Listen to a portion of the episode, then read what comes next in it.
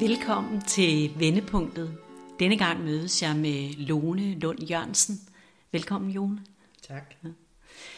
Jeg glæder mig rigtig meget til, at du skulle komme, fordi jeg synes, du er inspirerende, øh, især med den måde, du har arbejdet med skygger og stadigvæk gør. Du har ligefrem lavet en virksomhed, eller en, noget, der hedder Skyggekompaniet, men altså det her, din evne til at, øh, at se øh, guldet eller lyset i skyggerne og, og ville dem. Altså du, det, der er både det her, at evnen til at se øh, det, det, det de fleste måske ikke vil se, eller vi ikke vil se, fordi det er for svært at se. Ikke?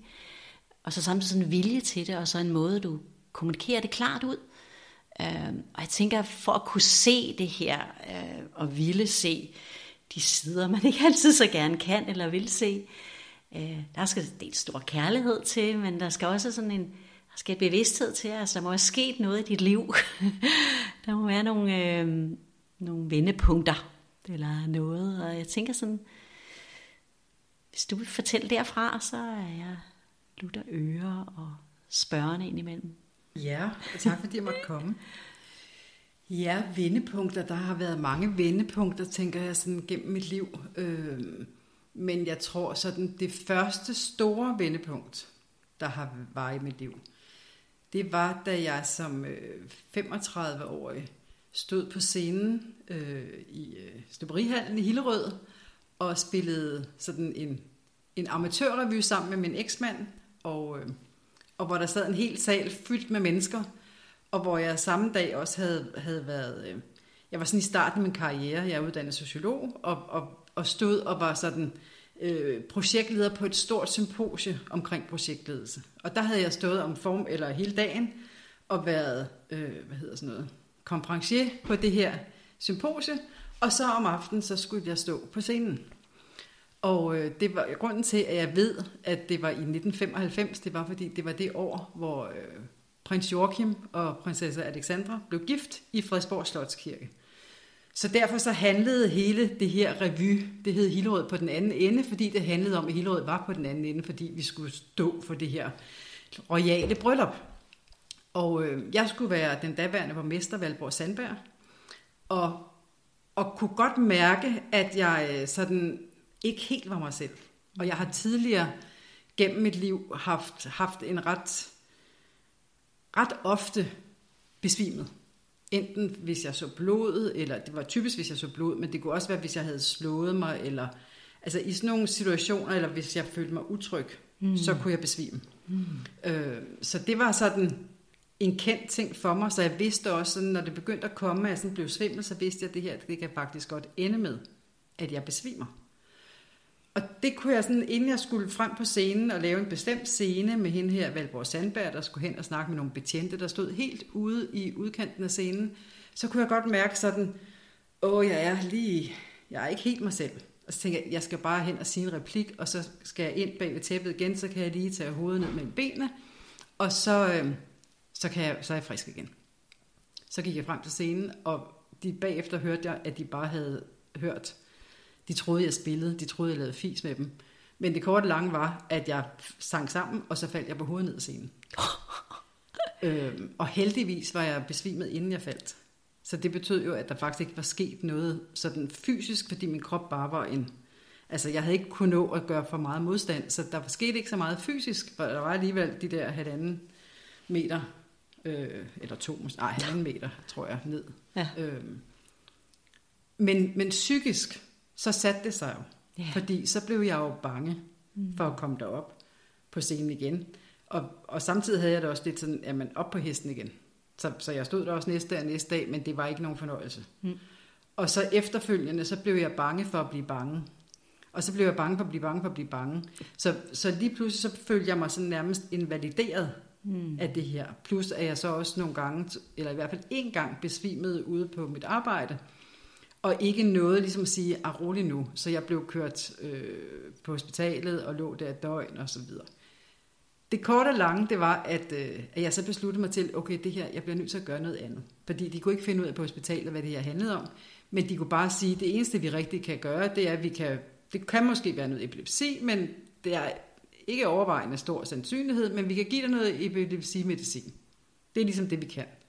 Og sagde så, hvad betyder det? Jamen, det betyder så også, at du ikke kan køre bil. Så tænkte jeg så, jeg skal for det første ikke have medicin, og for det andet, så skal jeg jo ikke have noget, hvor jeg så ikke kan køre bil. Altså, det giver jo ikke nogen mening, det her. Jeg må finde nogle andre løsninger. Så det var egentlig det, der satte mig i gang. Fordi så gik jeg til bibliotekets selvudviklingshylder, som jeg ellers ikke havde frekventeret særlig meget inden da, og, øh, og fandt ud af, at, øh, at, at der var noget, der var større end mig. Mm. Og læste blandt andet en, øh, eller jeg læste især en bog, der hed Silva-metoden, hvor man skulle tælle ned, og så kom man sådan en alfa-tilstand. Og, og så oplevede jeg, mens jeg lå der, så oplevede jeg sådan at få sådan en slags ud af kroppen, en blanding mellem en ud af kroppen oplevelse, og så en oplevelse af nærmest at blive et mm. med sengen og værelset og det hele. Mm. Og, og det, at jeg fik den her fysiske oplevelse, mm. det, det var meget det, der ligesom satte, altså satte en nøgle i, inden i mig mm. i forhold til, okay, der er, et, der er noget mere. Ja. Fordi ellers så havde jeg sådan, jo, jeg havde måske nok på en eller anden måde haft en fornemmelse af, at der var noget mere, men, men hver gang jeg forsøgte at gå i kirke og lytte præstens, øh, hvad hedder sådan noget, prædiken til ende, så kunne jeg godt sådan et stykke vej følge med og sige, at hele kærlighedsbudskabet synes jeg egentlig var fint, men så sluttede det altid af med et eller andet øh, straf og offer og ja, som syndsforledelse, halløj, som, som jeg ikke kunne være med i. Mm. Så, øhm, så det i sig selv førte mig ligesom videre i, og sådan søge ind i, er der noget, der er større end mig selv? Mm. Og inden der, et, et par år for inden, så havde jeg også oplevet det, som, ikke, som jeg ikke kæde til noget sådan specielt spirituelt, men som betød, at jeg ændrede kraftigt på, på den måde, jeg levede mit liv på. Og øh, det var min datter, der på det tidspunkt var to og halvt, tre år, øh, som pludselig lå på operationsbordet med en perforeret blindtarm. Og inden da, der havde både min mand og jeg ligesom følt os virkelig, virkelig vigtige på vores arbejde. Mm. Og nærmest sådan småskændtes lidt om, hvem skulle blive hjemme, fordi hun havde ondt i maven. Mm. Og vi havde haft natlæge, og der var, hun havde bare ondt i maven. Og da vi så kaldte natlæge sidste gang, så blev hun så indlagt akut, og i løbet af kort tid, så lå hun op på det der operationsbord. Ui. Og da jeg stod der med hende, mens vi, der, dels så bad jeg, da hun lå der på operationsbordet. Øhm, og, og samtidig så blev det virkelig også bare, det her, det er jo det vigtigste. Ja. Det er jo det vigtigste i mit liv. Mm. Altså, jeg er jo ikke vigtig på mit arbejde. Det er jo lige fuldstændig ligegyldigt. Mm. Så det blev så tydeligt, dels der, da, da hun lå på operationsbordet, og så også i ugen efter, hvor hun så, øh, netop fordi den var, var, var sprunget, den sammen, mm. så skulle hun jo ligge der længe, altså hun lå der måske en uges tid på hospitalet, og jeg lå der med hende det meste af tiden. Så der havde jeg jo rigtig meget tid til at reflektere over, okay, hvad er det egentlig, der er vigtigt? Og, og min daværende mand og jeg snakkede også en del om det her, hvad er vigtige værdier? Mm. Så jeg var fuldstændig overbevist om, at da jeg, når jeg kom på den anden side af det her, så ville, så ville jeg leve på en anden måde. Fordi at de her værdier var blevet rystet sådan. Og så gik det jo ikke værre, en, værre eller bedre, end at der gik jo ikke så lang tid, så var jeg jo lidt tilbage mm. i den samme. Og så var det så, så finurligt, og det tænkte jeg ikke dengang på var specielt, men senere har jeg tænkt, okay, det her, det, det var på en eller anden måde sendt til mig, fordi hun på, på, på dagen, månedsdagen, fra hun var blevet indlagt første gang, så fik hun de samme symptomer. Og så røg vi op og lå til overvågning en nat. Og lige snart vi kom derop, så var der nærmest ikke noget med hende, men jeg lå jo vågen hele natten og tænkte, okay, hvor, hvordan kunne jeg så hurtigt komme tilbage i den gamle gænge? Ja. Så jeg fik jo ligesom på en eller anden måde sådan, jeg vil se det i dag som en slags integration mm. af det, jeg lærte. Jeg lærte noget, da hun lå op første gang. Mm. Men det var ikke blevet integreret i mig. Mm. Nu blev det bare hverdag, så kørte vi videre. Mm. Og så var det ligesom, det er ligesom, okay, nu skal du altså lige synge det. Du skal lige forstå det her. Mm. Og det betød, at jeg efterfølgende tog nogle andre valg i forhold til karriere. Hvor jeg før havde været meget mere sådan, at jeg skal da køre karriere, og jeg skal tjene penge, og jeg var stolt af, at jeg havde taget en universitetsuddannelse, alt det her hvor jeg i stedet for valgte at sige ja til et job, hvor, hvor jeg ikke skulle arbejde særlig meget, og hvor- som handlede meget om mennesker, og handlede meget om, øh, om kommunikation, og hvor jeg fik en masse ny læring omkring menneskelige processer. Så det var meget afgørende for, at jeg endte med at tage den beslutning nogle år senere. Ja. Det giver, det giver god mening. Og hvordan, øh, så, så, så det ændrer dit liv på mange måder. Øh, og så, hvordan kommer du så videre med det her med at, øh, at integrere de ting, du ser, altså, øh, og de skyggesider, du så får øje på, ikke? Fordi det er vel også, eller, hvordan kommer de ind over, ikke? Altså dengang, der var der ikke, altså der var skyggesider, det, det sagde mig, det, jeg kendte ikke begrebet. Nej. Øh, jeg kan huske på et tidspunkt, mens jeg arbejdede ude på, på den skole i Frederiksborg Amt, hvor vi lavede uddannelse for personalet i Frederiksborg Amt i teambuilding og kommunikation, der kan jeg huske, der var en, en, øh, en nær kollega, der sagde til mig omkring en anden kollega, som jeg virkelig trækkede på, hvor hun sagde, "Nå, men, altså der er jo noget med, at man skal, at det man trækker på, det også har, spejler noget i en selv. Hmm.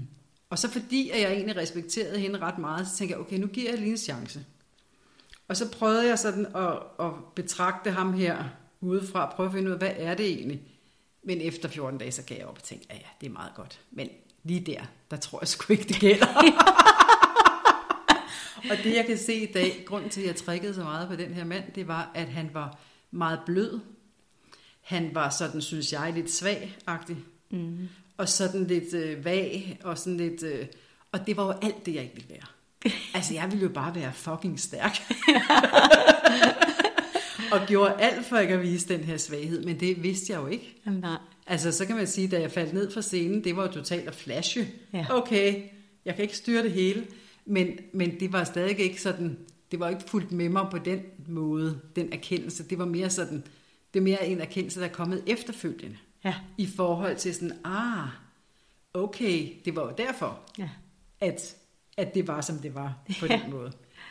Men jeg tror faktisk, det med skyggerne, der skal vi springe helt frem til øh, i 2002, hvor jeg så har fået mit fjerde barn året før, og jeg også startede, som, startede min egen øh, selvstændige virksomhed, øh, som ikke specielt handlede om skygger, fordi det vidste jeg stadig ikke ret meget om, men mere handlede om øh, processer i virksomheder, men så havde jeg sådan min egen indre drøm om, at det jeg gerne ville, det var at undervise i øh, det her med, at der er mere mellem himmel og jord, og vi skaber vores eget liv. Mm. Så det var egentlig det, jeg startede mit firma der i 2000, som mit eget lille sociologiske projekt, mm. i forhold til at sige, okay, alt det jeg nu kan se i de her nyere spirituelle bøger, jeg nu var begyndt at læse, nu vil jeg godt prøve det i praksis. Virker det så? Altså er det virkelig sådan, det er, at hvis vi først ligesom, som der især stod i en af bøgerne, hvis først vi ligesom har en klar intention og vision, og så ellers bare gør det, som, som vi elsker, og det vil sige er nuet, så begynder tingene bare at ske af sig selv. Så tænker jeg, det skal jeg prøve af det her. Mm. Og det skal der lige love for, at det virkede, i hvert fald til at starte med. Så inden jeg var nået til, jeg startede sådan officielt i februar måned, og i maj måned, der fakturerede jeg for 100.000. Og jeg var jo fuldstændig på den grønne gren, og ikke til at skyde igennem og tænkte, åh, hold da op mand, nu skal jeg bare ud og fortælle verden om det her, det er jo for sindssygt. Mm. Så skete der det, at øh, en måned tid efter, så blev det lige pludselig meget klart for mig, at jeg faktisk var blevet gravid med mit fjerde barn. Mm. Øh, som jeg egentlig troede, jeg havde været for nogle år før. Men det var jeg så ikke alligevel. Og så havde jeg sluppet alt om det. Så, så vi regnede ikke med, at vi skulle have flere børn. Vi havde tre børn. Det var også fint. Og vi var i forvejen ved at sådan separere os lidt sådan på det kæresteplanet. Vi var rigtig gode til at lave mange ting sammen. Mm. Vi lavede revy og forskellige ting, sådan kreative ting sammen. Men vi var ikke super gode til at være kærester. Mm. Og så pludselig landede den her graviditet i mig. Mm. Og, og det gjorde så, at, at mit, kan man sige, virke øh, ligesom blev dæmpet noget. Mm. Altså jeg blev ved med at være selvstændig. Jeg havde så en, øh, en drøm, sådan ikke så lang tid efter, at jeg havde opdaget, at jeg var gravid. Der havde jeg ikke fået det sådan bekræftet endeligt af sådan en test eller sådan noget. Men der kunne jeg bare mærke, at der er et eller andet her, som jeg har prøvet før, der minder mig om noget. Øh, og jeg bliver altid meget gravid. Meget, altså, jeg føler mig meget gravid, og kan lugte ting, og kan alt muligt på... Alt bliver ligesom forstærket, når jeg bliver gravid, så derfor havde jeg sådan et, okay, det er jeg sandsynligvis. Så drømte jeg en drøm, hvor jeg drømte, at jeg, øh, at jeg har sådan en... Øh, på det tidspunkt havde jeg sådan en slags stor sportstaske eller rejsetaske, som jeg brugte, når jeg var ude og holde internat og holde kurser, hvad jeg typisk gjorde indimellem, både mm. før og efter jeg startede med et firma. Og der drømte jeg så, at, at der var sådan en lille bitte babyhånd på den der taske, mm. der ligesom knyttede sig ind i den. Mm. Og, og samtidig så gik jeg på noget NLP-kursus, hvor der blandt andet, som handlede om drømmetydning og sådan noget, så jeg var, var ret ops på, hvad jeg drømte. Mm. Så derfor så fik jeg meget hurtigt den der, okay, jeg er gravid, og jeg skal have barnet, og det kommer til at gå godt. Mm. Fordi jeg ligesom kunne koble mit arbejde over den her barnehånd. Ja. Og da han var tre måneder, så var jeg i Sverige med Hillerød Erhvervsråd og holdt et seminar, hvor jeg havde ham med.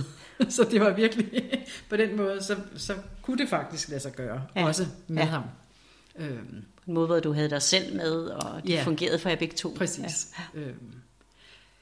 I løbet af den ret tidlige den her graviditet, der drømte jeg også en drøm, øh, hvor jeg drømte, at jeg stod ved et busstopsted og skulle nå toget, og det var meget vigtigt, at jeg nåede det her tog. Og så stod jeg og ventede på bussen, men den kom ikke. Og så blev jeg sådan helt, jamen, jeg er nødt til at nå det her tog. Og så i stedet for kommer der en kørende forbi med et løbehjul og låner mig løbehjulet. Og så kommer jeg alligevel hen til, til den her station. Øh, og det jeg tolkede den til, og som jeg senere virkelig har brugt, altså gennem de sidste 20-25 år, det var, du skal nok komme hen til din bestemmelsessted, men det bliver i et noget andet tempo, og med et noget andet, altså en noget andet, andet middel, transportmiddel, end du havde forestillet dig. Og den har jeg virkelig haft, altså den drøm, og den tolkning af den drøm, har jeg virkelig haft glæde af efterfølgende, fordi jeg skal da nok lige love for, at det dels er blevet i et noget andet tempo, og dels på en noget anden måde, end jeg overhovedet havde fantasi til at forestille mig. Og, og hvad, er, hvad er, det giver meget god mening, det du beskriver med de oplevelser, man har, og så, hvor man ikke lige forstår dem, og så skal man integrere dem, ikke? det her mm. med, at du falder ned af scenen og sådan. Men jeg hørte, du sagde det her med, at du skulle nå frem til et bestemmelsessted. Ja. Og så er jeg sådan nysgerrig på, hvad, har du, altså har du et, øh, ja, hvad er det for dig, eller hvad, hvis du vil dele det? Altså jeg tror, det der er blevet mere og mere tydeligt for mig, det er, at det egentlig hele tiden fra start af, uden at jeg har været helt bevidst om det, så har bestemt stedet for mig været at komme hjem med mig selv. Mm. Og, og komme derhen, hvor, hvor jeg kan stille mig så meget til rådighed for livet, at det kan leve igennem. Mm. Og, og det var jeg ikke så artikuleret omkring dengang. Der tror jeg mere, det var det her med, at når jeg ville gerne derhen, hvor jeg ligesom ville kunne fortælle folk, hvor fantastisk det her er, at der er noget andet mellem himmel og jord. Og, mm. altså, det var mere det, der ligesom drev mig. Ja. Øh, hvad jeg senere har, hvis vi spoler filmen tilbage, eller filmen frem til 2008, som jo så er nogle år efter, at jeg ligesom startede mit eget firma, og og blev gravid med Oliver og fik ham, øh, og også blev skilt meget kort tid efter, så nej, nu, det, vi venter lige med 2008, fordi egentlig så startede jeg jo med at sige, at vi skulle frem til øh, efter Olivers fødsel, før, jeg rigtig, før det her med, med, med skyggerne landede i mig. Ja. Og det landede først rigtigt i mig, øh, da jeg kort efter min skilsmisse tog en bog ud af regionen, som jeg tænkte, den her bog, den har jeg da aldrig læst før. Mm.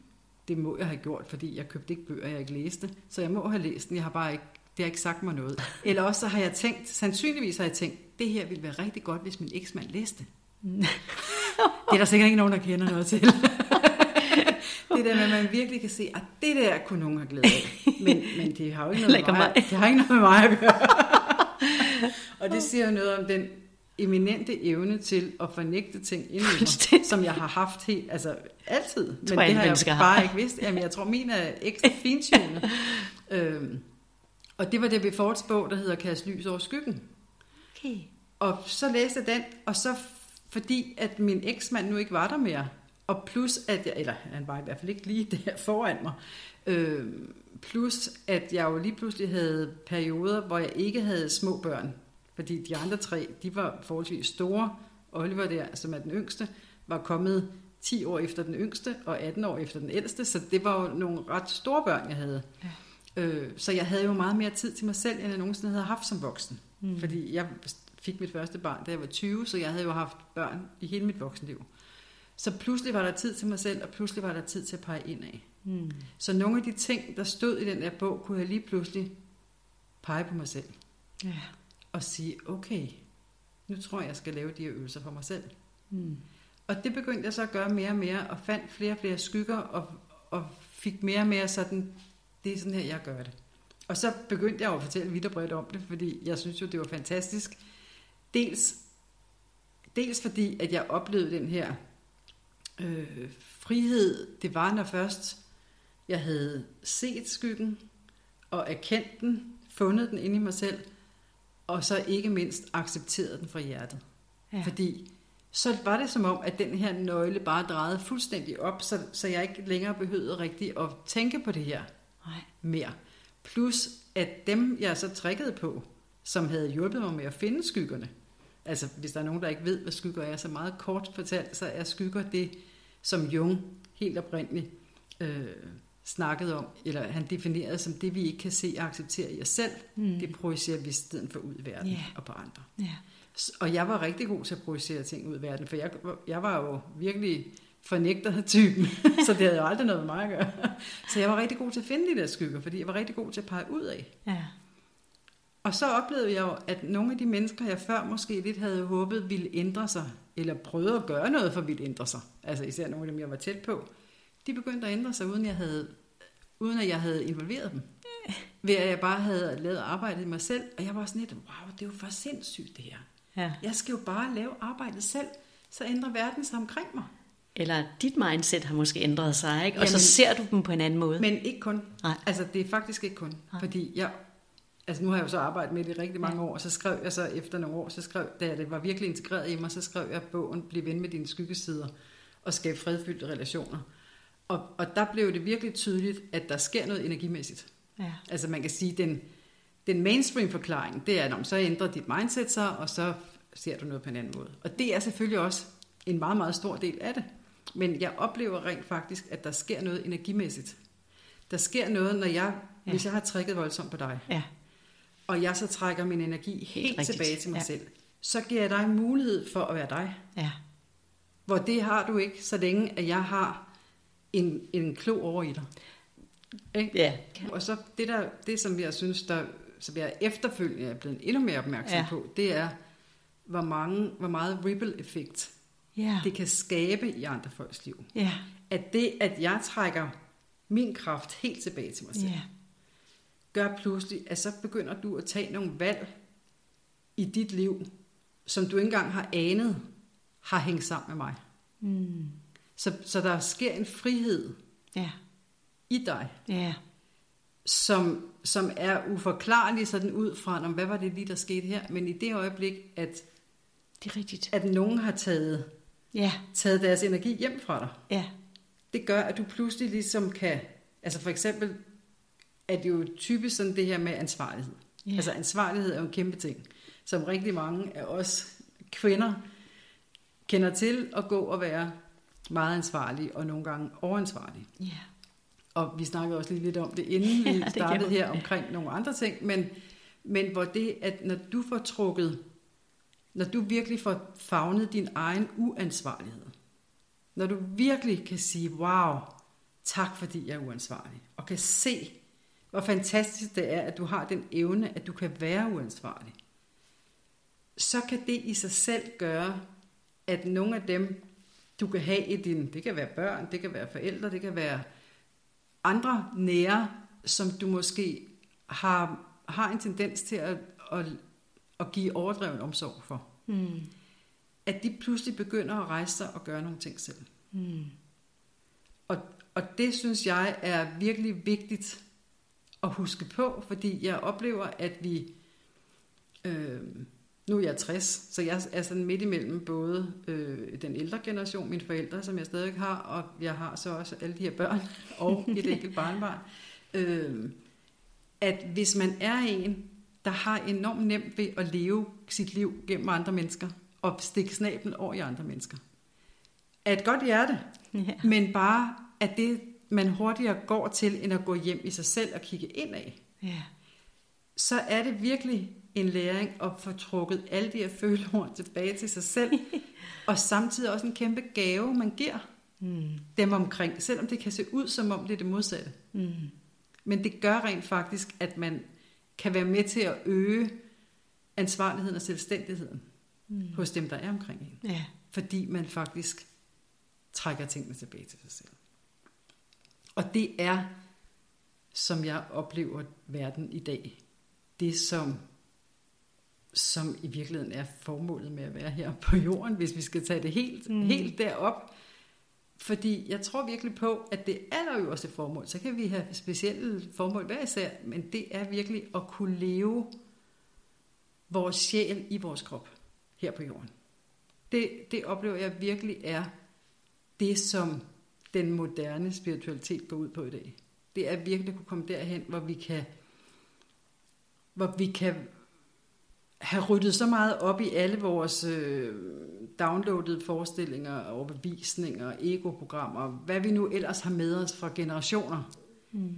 at vi kan få, få hvad hedder det, sluttet så meget fred med alle aspekter i os, med alle vores følelser, med, med alt, hvad vi er, så vi kan lade øh, man kunne kalde det det guddommelige, så, man, så vi kunne kalde den åndelige energi komme igennem os. Ja, jeg, jeg får lyst til at sige, at jeg ser det lidt anderledes. Mm. Jeg ser det sådan, at, øh, at det er jo ikke det, vi er. Altså alle de der, jeg, det, jeg tror måske, du også ser det sådan, men, men jeg oplever sådan, det er jo ikke alt det, jeg er, men det er alt det, jeg tror, jeg er. Og opdager jeg ikke er det. Mm. Jeg er ikke vreden, jeg er ikke mm. den, der er irriteret på de andre, jeg er ikke men at jeg begynder at se alt det, jeg ikke er, det gør det på en eller anden måde lidt lettere for mig, men jeg er glad for at opdage det, mm. når jeg stadigvæk bliver trigget af noget mm-hmm. derude. Ikke? Men jeg siger, jeg er ikke det der. Jeg er den, der iagtager det, og, og kan få kærlighed for det. Ikke? Mm. Og så tænker jeg også sådan, eller det, det var bare sådan lige det, og måske er det det samme, men forskellige ord har jo sine begrænsninger. Fordi du slipper jo også tyngden af, af, af et ansvar, ikke? Mm. Mm. Du slipper. Jo, og så vender jeg tilbage til mig selv. Ja, hvad er du selv? Altså jeg oplever, at det, når jeg vender tilbage til mig selv, så kan jeg begynde at tage vare på alt det, du lige taler om der. Så kan jeg begynde at tage vare på alt det, som der jo dukker op i mig. Ja. I stedet for at enten, som jeg har gjort tidligere, meget peget på andre. Det kan jeg også stadig gøre. Mit sind kan stadig pege på andre. Men, men mit sind kan også distrahere sig selv. Yeah. Mit sind har rigtig mange måder at distrahere sig selv på. Mm. Øh, og en måde at distrahere mig selv på, det er jo blandt andet ved at flytte min energi over til nogle andre mennesker, jeg kan hjælpe. Mm. Fordi så, så behøver jeg ikke kigge på mig selv. Mm. Så kan jeg distrahere mig fra mig selv. Yeah. Og det er jo ikke det samme, som vi ikke skal hjælpe hinanden. Det er bestemt ikke det, jeg siger. Men, men det, som er blevet tydeligt for mig, det er, at for at kunne komme mere og mere hjem til mig selv, og til det, som ligger bag, man kunne kalde det egoets øh, indgroet panser, som ligesom, som, jeg, jeg ser det meget sådan, at vi har hjertet herinde i midten, og så ser jeg meget som, at vi har flere ringe, flere skjolde omkring det her hjerte. Og i takt med, altså når vi begynder at kigge på os selv, så begynder vi stille og roligt at pille små, små mursten ud af de her skjolde. Og jo tættere vi kommer ind, jo mere vi kommer igennem det første skjold, jo stærkere bliver vores følelser. Og det var det, der kom bag på mig. Mm. Det kom bag på mig, at jeg, jeg troede lidt naivt, efter jeg havde åbnet den første skyggebog, at når først jeg ligesom har ordnet de her skygger, så vil det være peace, love and harmony, og så vil alt bare være fantastisk. Fordi det var jo det, som hele New Age-litteraturen ja. Ja. mere eller mindre øh, hjernevaskede ja. øh, os alle sammen, der gad at læse det med. Mm. Så, og så er det, at vi kommer til det her 2008, hvor jeg, hvor jeg på en eller anden måde får den første oplevelse af en form for egodød, mm. eller etageskifte. Yeah. som jeg oplever er nødvendig for, at vi kan komme igennem de her forskellige skjolde, jeg nu taler om, hvis vi kan bruge den ja. metafor. Man kan bruge alle mulige andre metaforer, men, men hvis vi lige tager den metafor, så, så er vi nødt til, til at gå igennem, tror jeg, i hvert fald i dag. Det kan godt være, at det bliver anderledes for de generationer, der kommer ind nu, men, men jeg tror i hvert fald, at vores generation og mange generationer, eller mange flere generationer på hver sin side af vores, er nødt til at gå igennem øh, misteprocesser. Misteprocesser forstået på den måde, at vi mister identitet på en eller anden led. Vi kan mm. miste identitet gennem vores hjem, gennem vores, den, vi, vores uddannelse, vores status, vores relationer, vores økonomi, vores helbred, alle mulige forskellige, alt det, der betyder noget for os. Mm. Når det begynder at smuldre, så begynder vi også at smuldre. Fordi så vores ego siger, hvad sker der her? Vores ego synes, det er frygteligt. Mm. Vores sjæl synes, det er fantastisk. Ah, okay, nu hun at se noget. Ja, yeah, der bliver mere plads til mig. Ja. Yeah. Øhm, så det, det er sådan, jeg ser det. Yeah. Og, og der synes jeg, det var så første gang, jeg virkelig fik sådan en oplevelse af at være et etageskifte. Mm. Fordi de ting, jeg ellers havde undervist i at se virke, de holdt op med at virke. Mm, nemlig. Og først så tænkte jeg jo, okay, hvad, hvad er det, jeg ikke forstår her? I mellemtiden var det blevet enormt sådan, der var det ved at være ret hypet, det her med uh, The Secret, og vi skaber vores eget liv, og alt sådan noget millionøser, og det, det begyndte at blive meget mere sådan uh, mainstream at tale ja. om nogle af de ting, end det var, da jeg startede på det i mit eget lille sociologisk projekt. Og derfor blev det også på en eller anden måde enormt provokerende for mig, mm. at jeg ikke kunne få det til at virke. Mm. Og, og søde mennesker, søde, øh, velmenende øh, mennesker, der prøvede at coache mig videre, fordi i mellemtiden var mange af dem jo blevet coachet, så så kunne de jo ikke coache mig til, hvordan jeg nu skulle komme videre, nu hvor jeg havde mistet min passion og sådan noget. Jeg havde bare sådan lidt, hold nu kæft. jeg, jeg, det her, det kan ikke coaches. Nej. Og så min... min øh... Og hvorfor er det, det ikke kan? Altså hvorfor er det... Øh, altså jeg tænker i hvert fald sådan, øh, vi bliver aldrig færdige. Altså sådan ser jeg det i hvert fald. Ikke? Altså fordi hvis vi er færdige, så er der heller ikke mere nyt i livet. Mm. Og det bliver ved med at udfolde sig. Ikke? Mm. Øhm, så det, jeg, har, jeg ved ikke, om har du det sådan, at altså, der er et, et, et endpoint, at når vi får ryddet op i det hele, så er vi kommet hjem til os selv, eller hvad er for dig hjem til dig selv? Altså jeg tror, at hvis jeg lige skal blive færdig med, ja. den, med, med etageskiftet her, og hvorfor det ikke kan coaches, Fint. Så, så oplever jeg, at Altså min, min gamle lærer, som jeg så endte med at gå til dengang, ja. fordi jeg tænkte, hvad skal jeg gøre her, som taler meget om etageskift, Asger Lorentzen, som er, er død nu, men, men hvor han... Øh, hvor han siger det meget fint, hvor han siger, at når vi er i den her type åndelig krise, så kan det ikke teraperes væk. Så skal det gennemleves. Mm. Og jeg oplever meget af accept og mm. tilladelse. Mm. Det er ligesom ordet for det hele.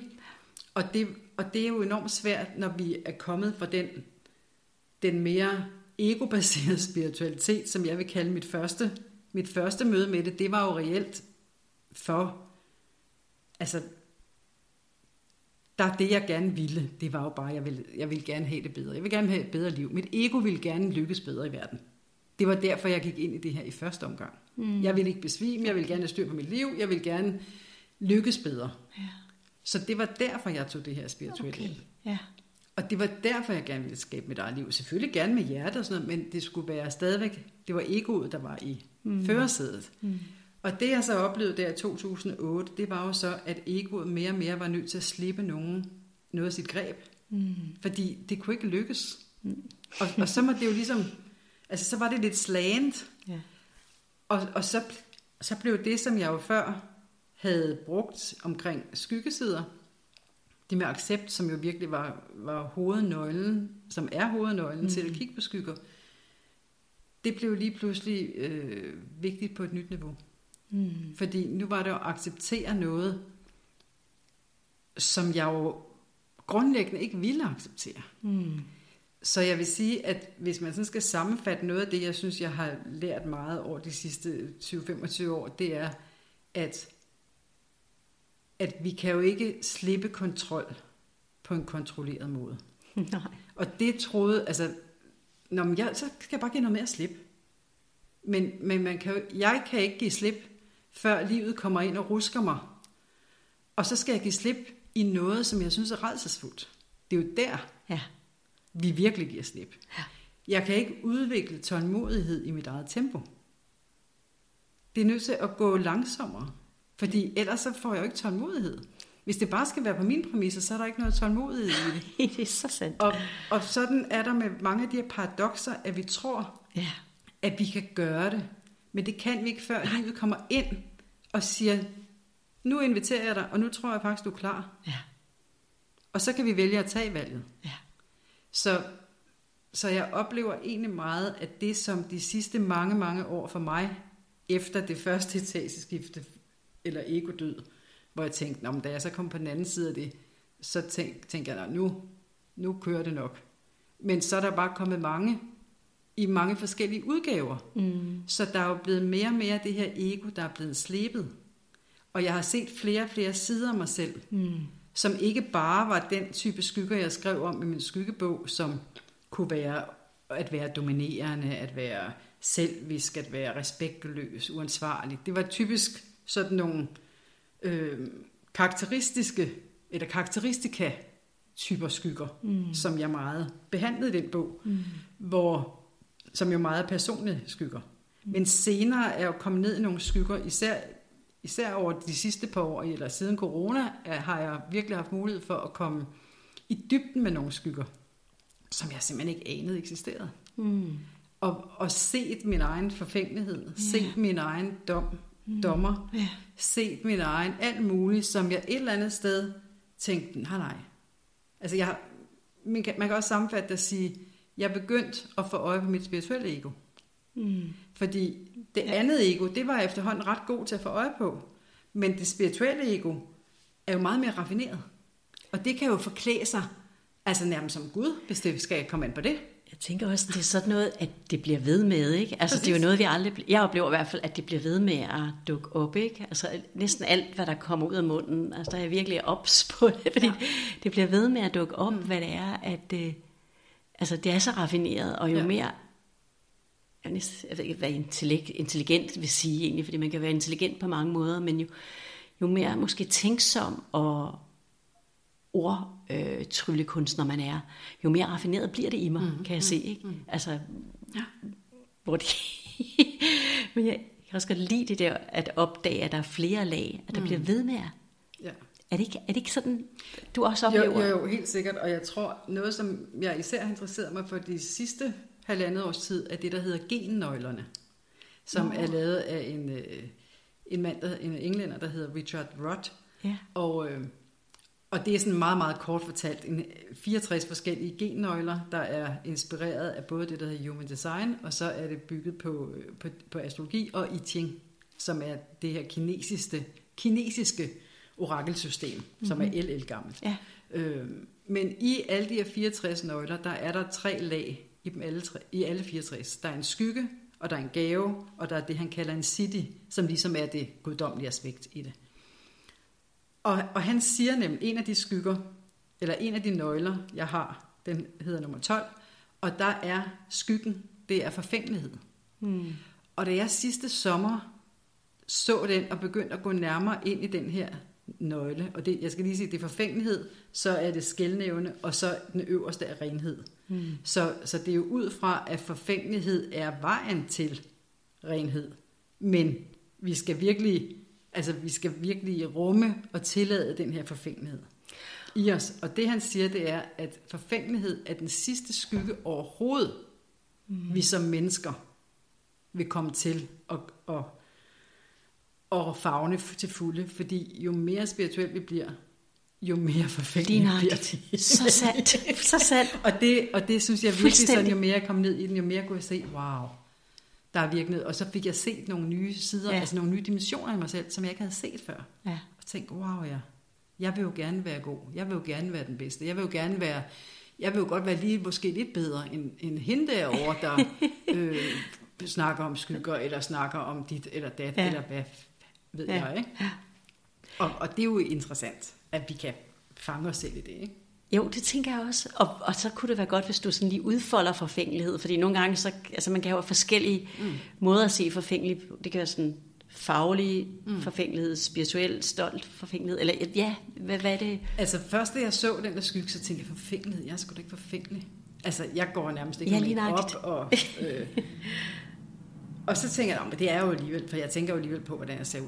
Ja. Og der er også nogle kropssider, der er nogle dele af min krop, som jeg også har kunnet skamme over. Ja. Så selvfølgelig er der en forfængelighed i mig. Men det, som jeg synes, der var det mest interessante omkring forfængelighed, som jeg virkelig lærte noget af, øh, det var det her med, at tendensen til hele tiden at, at gerne lige vil være, altså have lidt mere ret, have, ja. være lidt mere klog, være lidt mere dit, være lidt mere dat. Ja.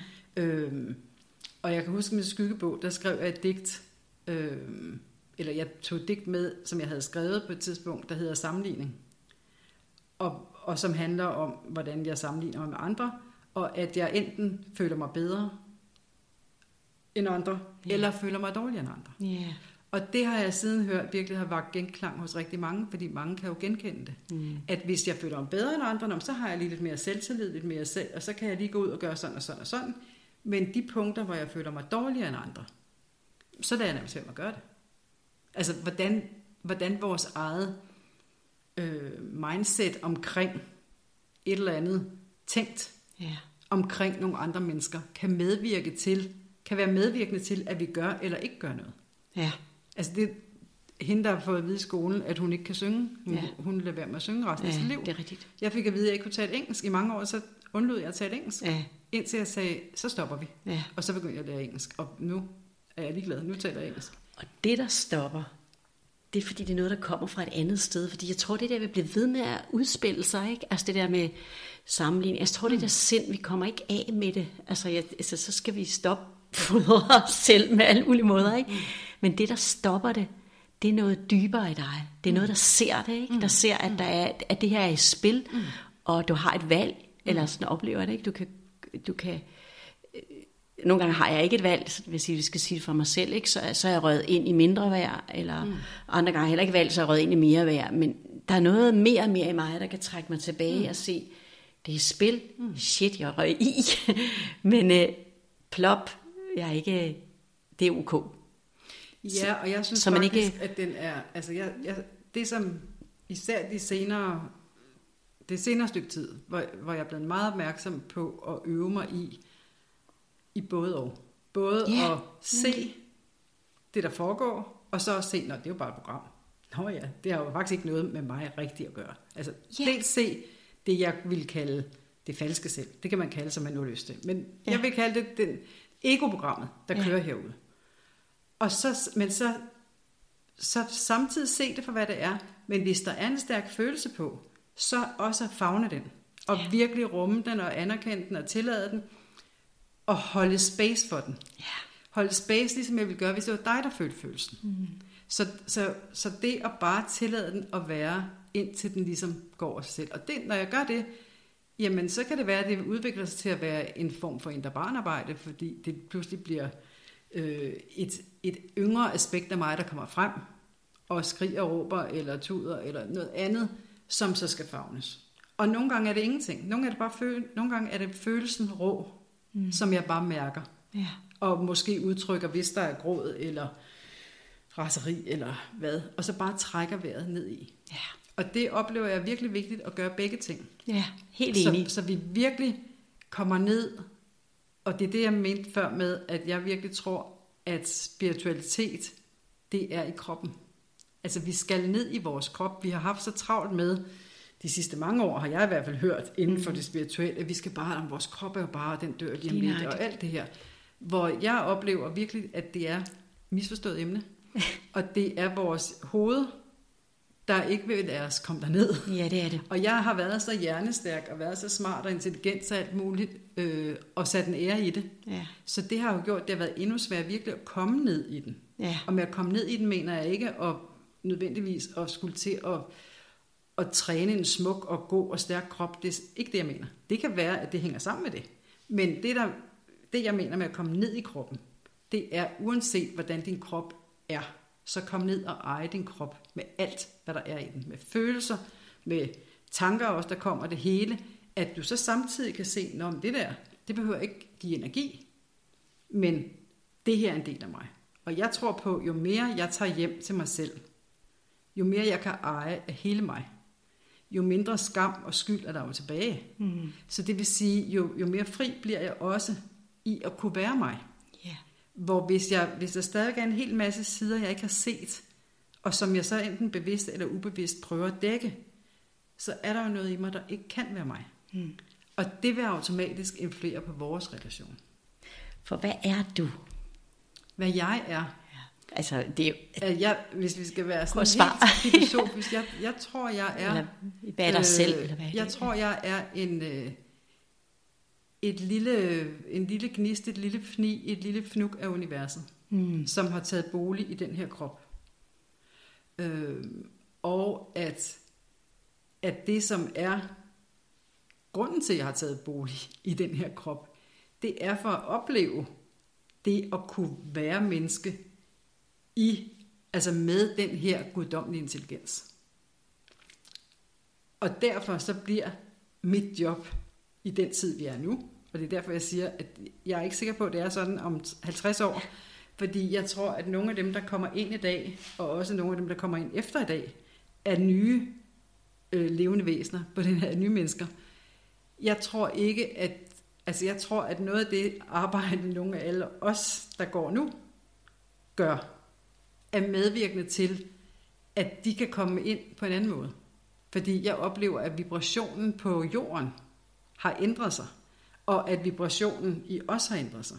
Og jeg oplever, at der inden for de, inden for de næste, om det er to eller 20 år, det ved jeg ikke noget som helst om, og det tror jeg heller ikke, der er nogen, der ved. Men jeg oplever, at vi er i et skifte, som er forudsagt astrologisk og i alle mulige forskellige sammenhænge, som i langt højere grad gør, at vi kan vibrere øh, fra et højere sted.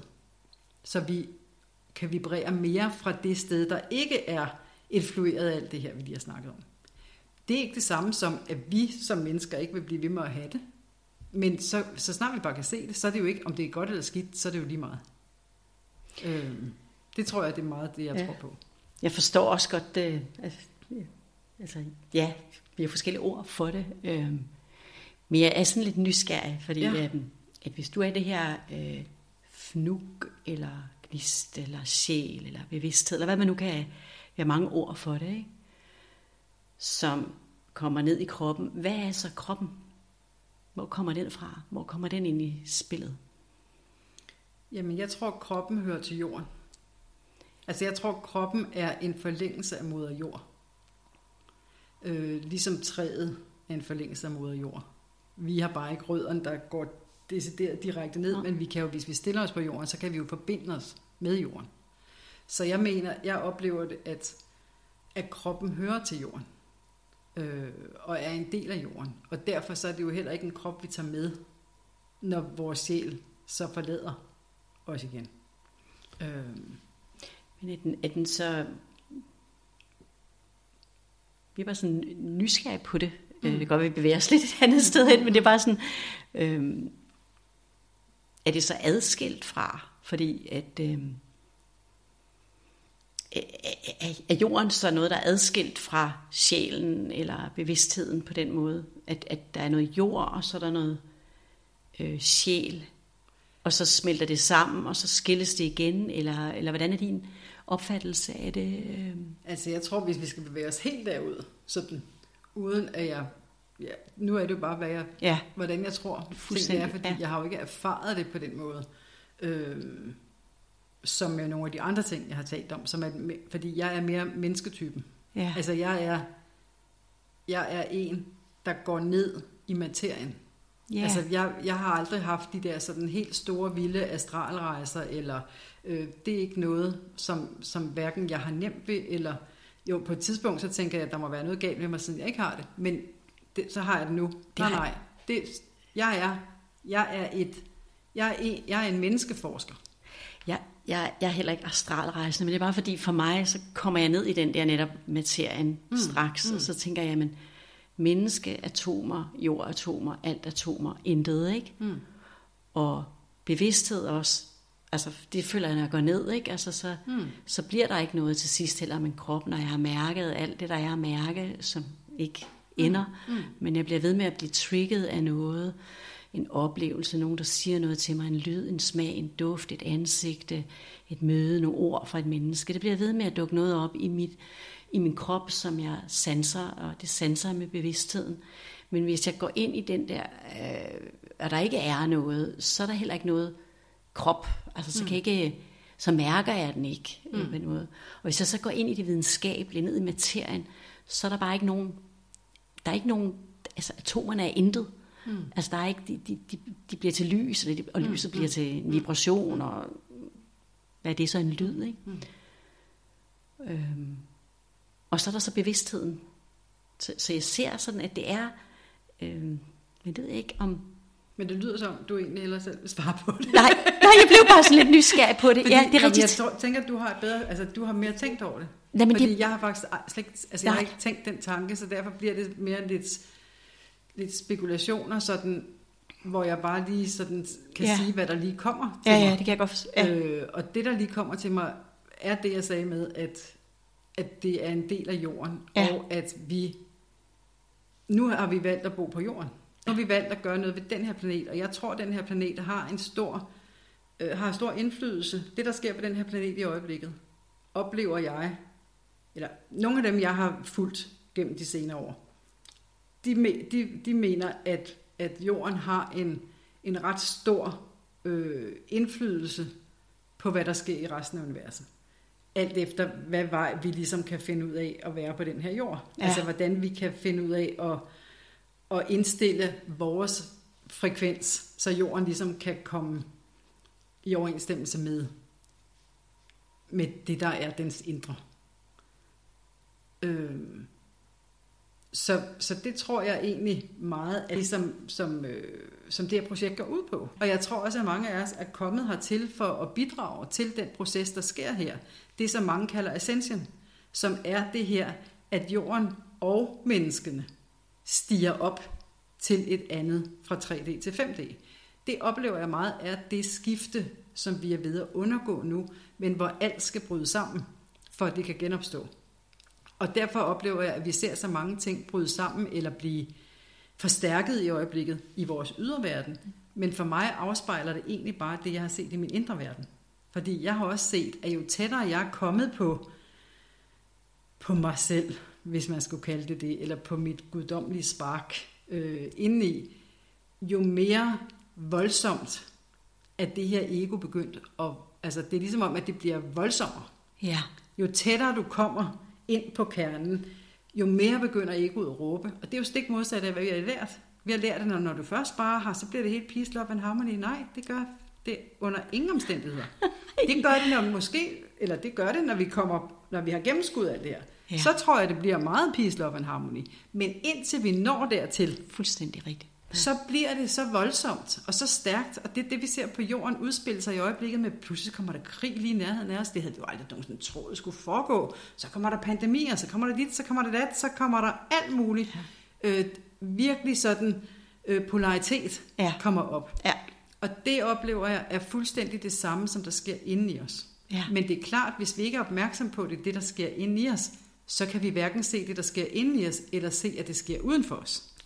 Og så er det jo bare en stor kaos, det hele.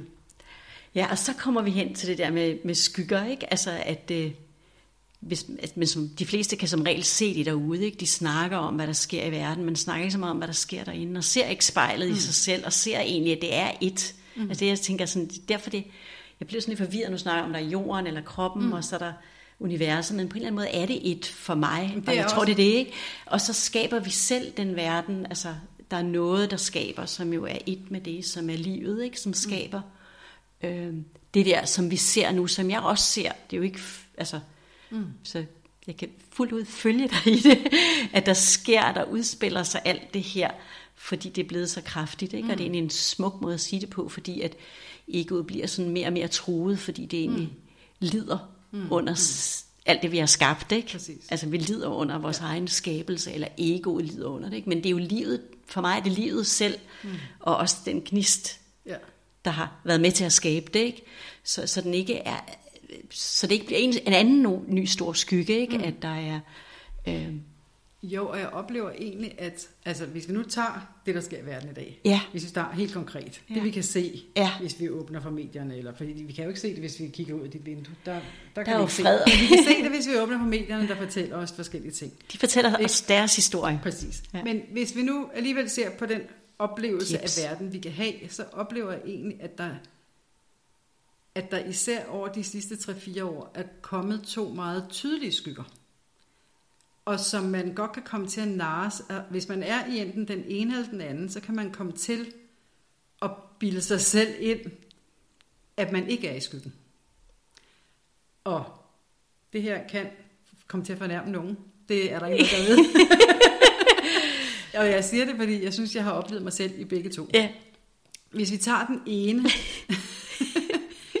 den ene ser, at når jamen, altså, alt, er jo som, alt er jo som det skal være. Det er godt nok ikke særlig rart, og det er færdigt, der er krig og sådan noget, men alle gør jo deres bedste. Der findes ikke decideret noget, nogen, der vil nogen noget ondt.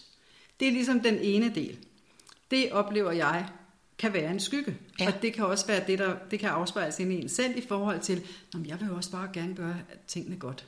Men så er der alligevel noget inde i mig, der trækker den anden vej, som jeg ikke vil se. øhm, så er der den anden side, ja. Som er det, man kunne kalde for frihedsbevægelsen, eller konspirationsteoretikerne, eller hvad vi nu vælger at kalde dem, der siger, ja, I er da sind. De kigger over på den anden side, og så siger de, I må da være sindssyge, I kan jo slet ikke se, hvad der foregår. Der foregår alt muligt, og vi skal jo simpelthen bare skoven under dem, og rrr, alt muligt, der foregår her. Mm. De to, det er efter min mening også en skygge. Fordi det er også en skygge i forhold til at, at sige, jamen det her det er noget uden for os selv. Ja, Det her, det er også noget uden for os selv. Så vi betragter, uanset om det er fra den ene eller den anden, Ja. så betragter vi noget uden for os selv og går i en form for herover. Nu kan du ikke se min hånd, dig der lytter, men, men øh, i min ene hånd har jeg det, der man mere kunne kalde for det konspiratoriske, og frihedsbevægelsen, dem der ligesom ser det onde Ja. i verden. Øhm, der kan man også få en tendens til at tænke, jamen der må være nogen, der må løse det her, så der kan blive en offerbevidsthed indover. Altså så man, i stedet for at gå ind og sige, her, hvad er det, det her spejler ind i mig? Er der noget ind i mig, der, som det her på nogen måde spejler? ja, hvordan har jeg det i mit liv med mine relationer? Præcis. Så, så på den måde oplever jeg egentlig, at begge sider af det, vi kan se, uanset om vi tager de briller, ja. den brille A på, eller brille B på, så kan vi komme til at se det, der er stadigvæk som skygge. Jeg tror, det er meget svært for nogle af os at se ud i det her landskab i dag, Fuldstændig. uden skygger. Altså, det tror jeg ikke er muligt. Det vil jeg give Fordi i. vi har mm, lidt af det hele. Men jo mere vi kan blive opmærksom på, at hver gang der er noget, der trigger os, og så ligesom finde det jer selv. Altså da corona gik i gang, så tog jeg ud i det blå og kørte rundt i, tre, i to, tre, to måneder. Øhm, og jeg kan huske, jeg gik op i Røldskov en dag øh, i foråret. Og så alt det, som jeg bare havde, alt det jeg trikkede på, af hvad der nu blev sat i gang med alt muligt omkring det her, så fandt jeg ud af, hvad synes jeg, de var? Altså, hvad synes jeg, dem her, der styrede det her, var? Og så kaldte jeg dem alt muligt. Og så, hver, og så endte jeg med at sige, okay, hvad spejler det i mig? Hvornår er jeg selv det? Og jeg gik og tudede i den skov. Fordi jeg tog bare den ene skygge, den ene mere redselsfuld skygge. Altså, som jeg jo ikke troede havde noget med mig at gøre, men som jeg bare kunne mærke havde noget med mig at gøre. Mm. Fordi ellers ville jeg ikke have en følelsesmæssig reaktion mm, på det. ja. Så om det havde noget at gøre med mig i dag, eller 17 liv tilbage, eller hvad ved jeg. Jeg tror, vi har været alle rollerne, alle sammen. Jeg får lyst til at sige, det har ikke noget med dig at gøre som sådan, men det har noget at gøre med det, vi alle sammen er. Ikke? Altså se, vi alle sammen har adgang til at blive sådan, eller reagere på en bestemt måde, så der er ikke nogen, der er en bestemt type. Fordi det er jo det, vi lider under, ikke? at du er altid sådan, eller du er sådan, eller jeg er sådan, eller sådan. Ikke? Og det er det, der skaber krigen, ikke? men at, at vi alle sammen har mulighed for at mærke det hele, som jeg hører af det, du har gjort. Ikke? Du mærker ind i det fælles menneskelige felt eller bevidsthed. Ikke? At det er bare et spørgsmål om, hvor, hvor, hvor, hvor, hvad vi bliver udsat for, eller ikke hvad vi bliver udsat for, men hvad livet vil med os, eller hvad der sker i livet, altså hvad der sker af sig selv. Ikke? Ja. Og så oplever jeg, at det, der sker, når vi gør det, Ja. det, sker, det er i hvert fald sket for mig, at, at det, har, det har været med til at åbne for min medfølelse. Ja. Fordi når jeg Nemlig. kan føle, og, og specielt altså, de senere år, der er jeg kommet ned i sådan nogle tidligere liv, øh, hvad er refleksioner, eller glemt, eller hvad man nu så kalde det. Og, og det, at jeg så har kunne, kunne være nede og mærke det, det gør også, at så er min medfølelse åbnet sig. Ja. Når, fordi jo mere jeg, jeg åbner mig for alle mine egne forskellige aspekter, øh, uanset hvor ikke kønne, og hvor uschammerende, og hvor forfærdelige, og hvor alt muligt de er, når jeg får øje på dem, Ja. og kan fagne dem, som var det mit mest elskede, uskyldige barn. Ja. Når jeg kan det, så er det også meget nemmere at fagne dem, når jeg ser dem hos andre. Ja. Det kan godt være, at jeg så lige umiddelbart kan trække på noget alligevel. Fordi, som sagt, så tror jeg ikke, at nogen af os når derhen, i hvert fald ikke os, der lever Nej. lige nu, øh, når derhen, hvor vi bliver fuldstændig skyggeløse. Men det er jeg så ret hurtigt kan få øje på det og sige, Nå, okay, hvem er det egentlig, hun er, eller han er inde bagved. Så jeg kan se, så jeg kan se lyset Ja. hos den enkelte, i stedet for kun at se den skygge, som står i vejen, for jeg kan se vedkommende. Jeg kan kun se det, hvis jeg ser det ud for mig. Ja. Jeg ejer alle mine skyggesider.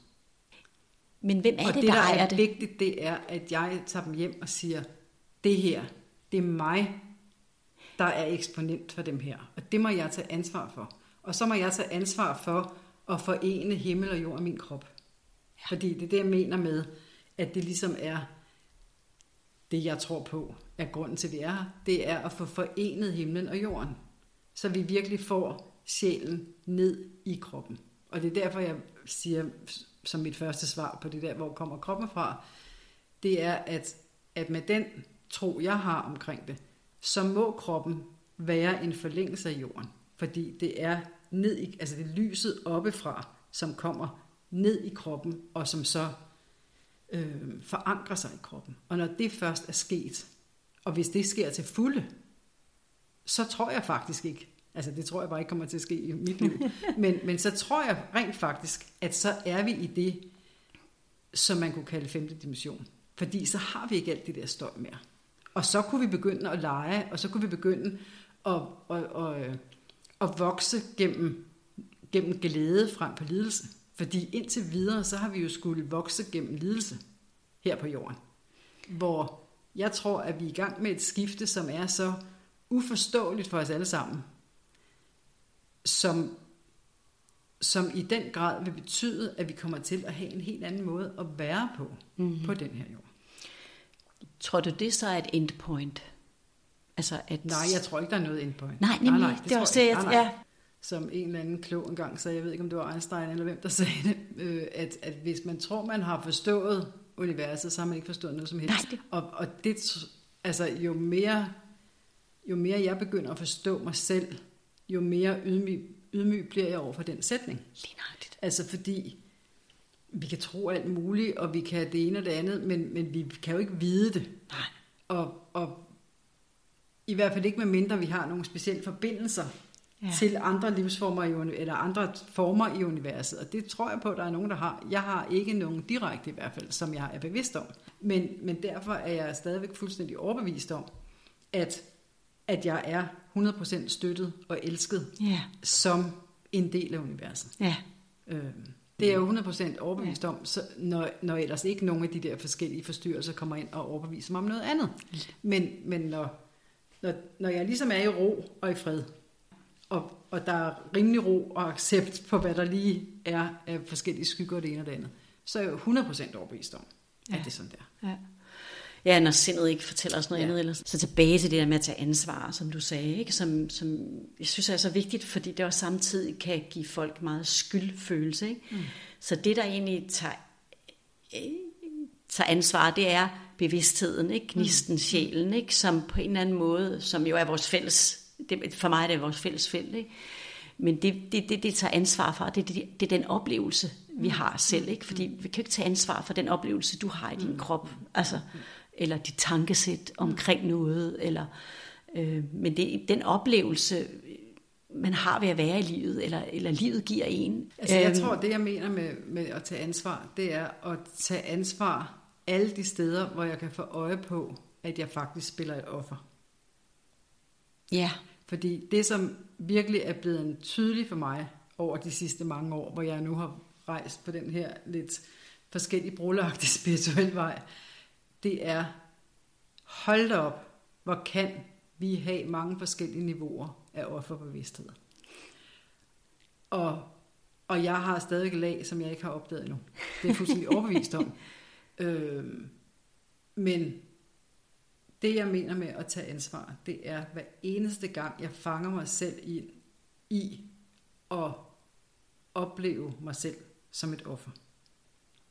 Så sige, hvad kan jeg gøre her for at tage ansvar for den her offerfølelse?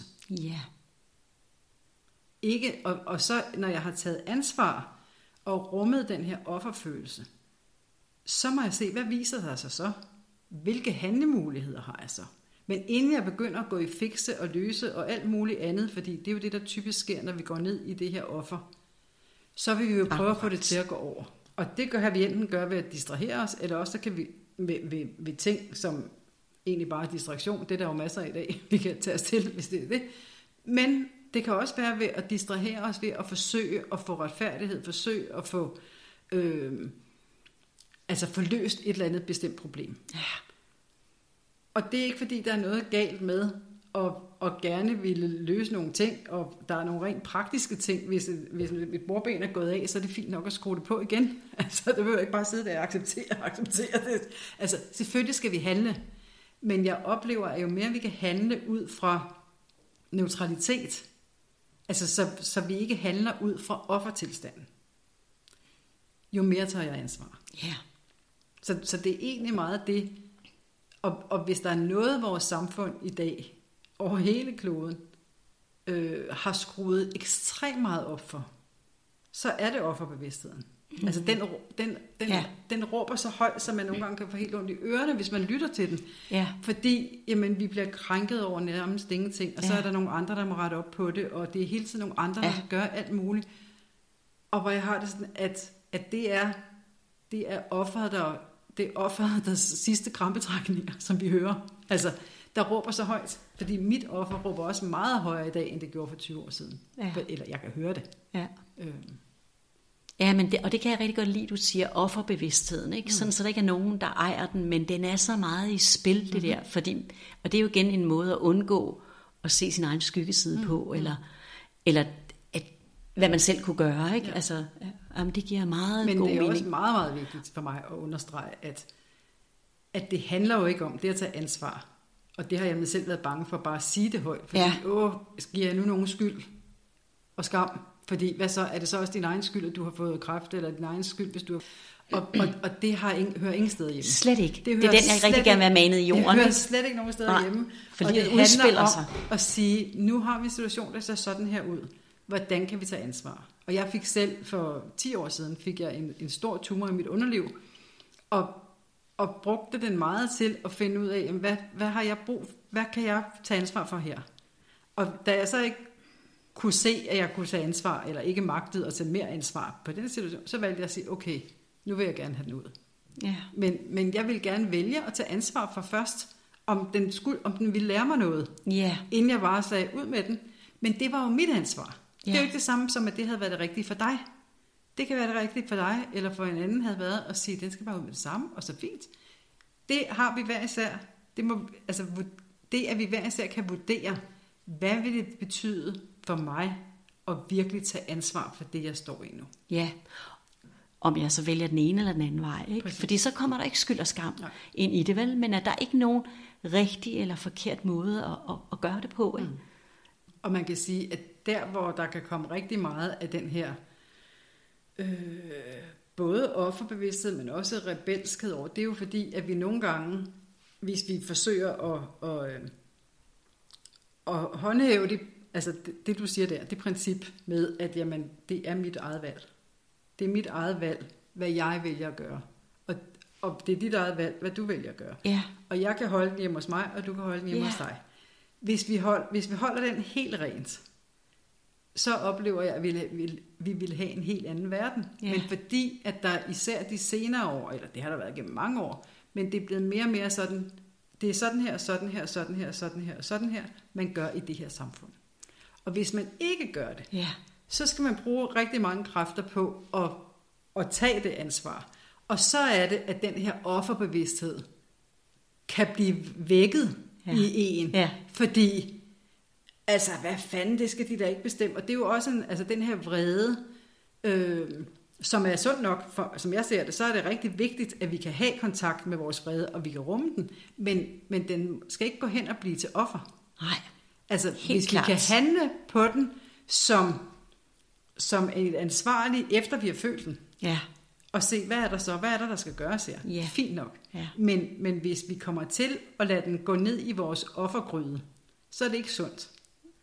Øh, og, og på den måde, så oplever jeg, at man virkelig i dag skal holde tungen lige i munden, hvis man gør, hvad man kan for at holde fast i sin egen ansvarlighed, og bliver mødt indimellem på forskellige måder, at det, der foregår, at, det, at, det, at de regler, verden stiller op, så skal man virkelig være bevidst om, at man ikke falder ned i offergryden. Og samtidig tror jeg ikke, vi kan være fuldt bevidste om det, vil jeg bare Nej, sige. Fordi man så kan. kommer livet ind over ikke, og vælter os. Og nogle gange så tænker jeg sådan, jeg ved ikke, jeg kan i hvert fald godt øh, opleve sådan, gud, sagde jeg virkelig det, og gjorde jeg virkelig det? Og tænker, ej, det ligner da slet ikke mig. Og det er jo igen et billede af, hvem er jeg, ikke? Men jeg er jo ikke, altså, jeg er jo ikke min krop og mine følelser, for de kommer og går, ikke? Øh, så det vil jeg ikke være, eller jeg er det ikke, vel? Men alligevel er jeg det jo på en eller anden måde, fordi jeg, jeg udspiller det der, ikke? Så er det for en stund. Øh, og det kan jeg jo ikke tage ansvar for, at livet vil det her igennem mig. Det er ikke for at slippe ansvaret for det, jeg gør, mm. fordi det kan man jo godt gøre bagefter og sige, hold da op. Øh, øh, Jamen præcis, og derfor så tænker jeg også, at, at en bedre formulering er i virkeligheden nok, fordi du har fundet ret i, at vi kan jo ikke være opmærksom på, om vi falder i offergryden. Vi falder i den offergryde, hvis vi falder i offergryden. Ja. Men det, jeg synes, der er rigtig vigtigt, det er at være opmærksom på, om vi er faldet i den. ja, Og jeg oplever, nøjagtigt. at jo tættere, jo mere jeg forsøger at praktisere det her, jo kortere tid kan der gå Ja. fra, at jeg falder i offergryden, til at jeg kan kravle op ad den igen. ja, Hvor hvis jeg tager for eksempel for, bare for 10 år siden, jamen der ville måske gå en måned eller to eller et halvt år, før jeg overhovedet op, opfattede, at jeg var faldet over for gryden. Og derfra så til at komme op ad den, ville der gå endnu længere, altså ville der også gå tid. Hvor nu oplever jeg bare, at jeg ret hurtigt, ja, i hvert fald vil nå, som jeg siger, så har den jo nogle dybder, som jeg ikke engang ved er en offergryde. Så kan jeg jo ikke opdage det. Nej. Men, men i det omfang, jeg kan opdage det, ja, så bliver jeg opmærksom på, okay, at det der i virkeligheden bare er et program, der kører ind i mig, mm. som kaster mig derned. Mm. Skulle jeg lige få det op, og så få mærket, hvad der ligger af, af ubehag i det, ja. så jeg kan slippe det. Ja. Ja.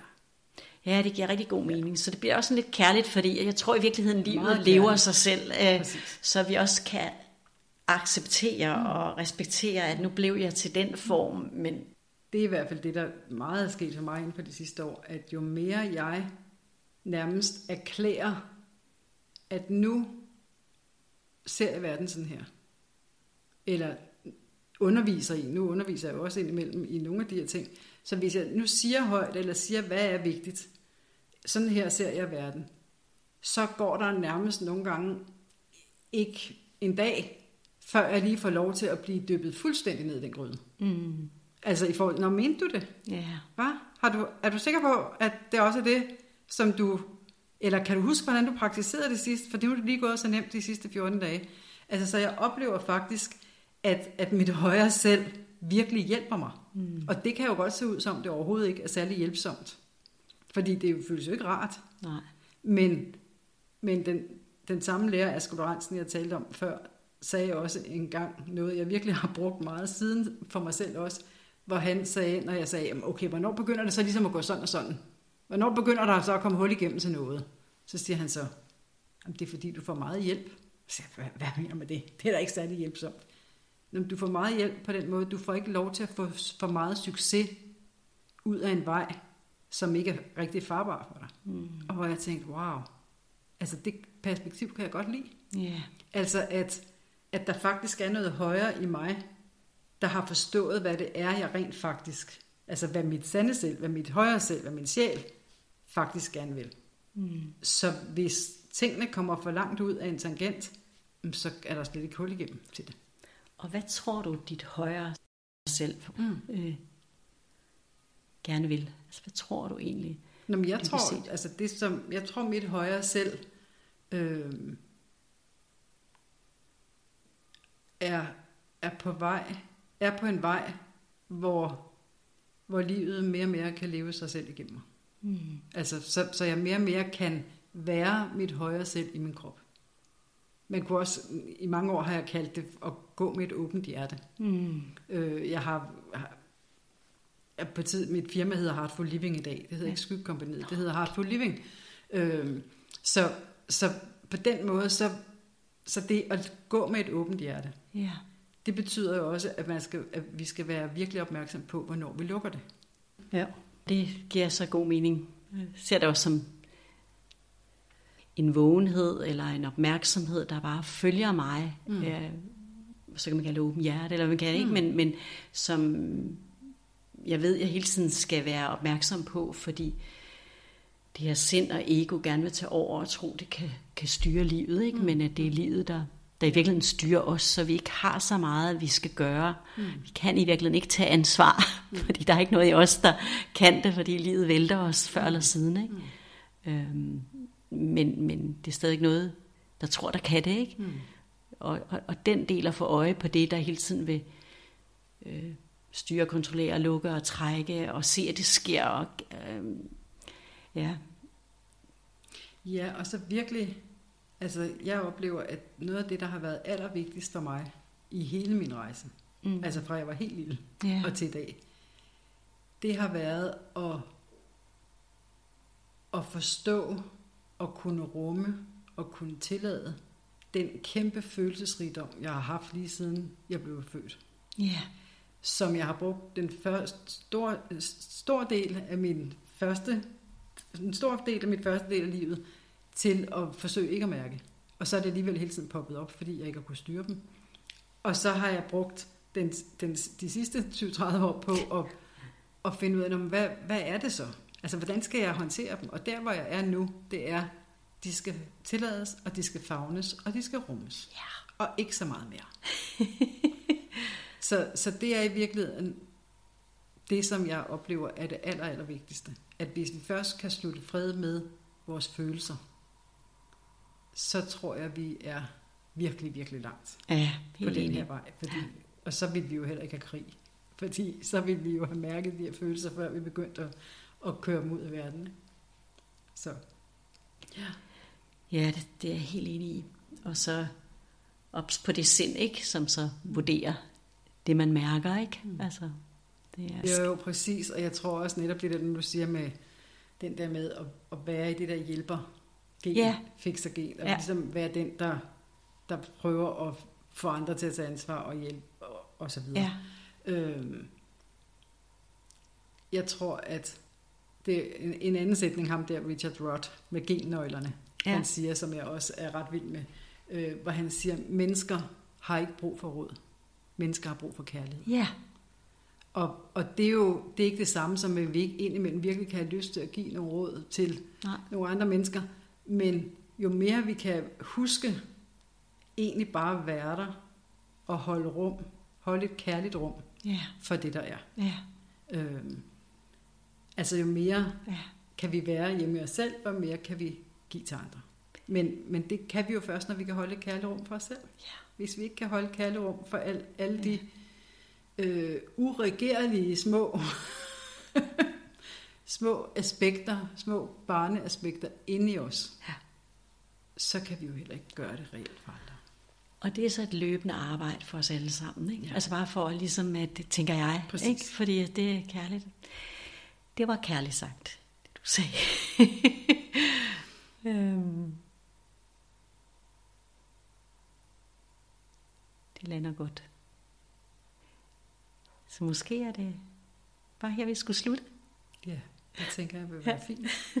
Det er en god, øh, god to streger under. ja, tak Lone. Tusind tak. tak.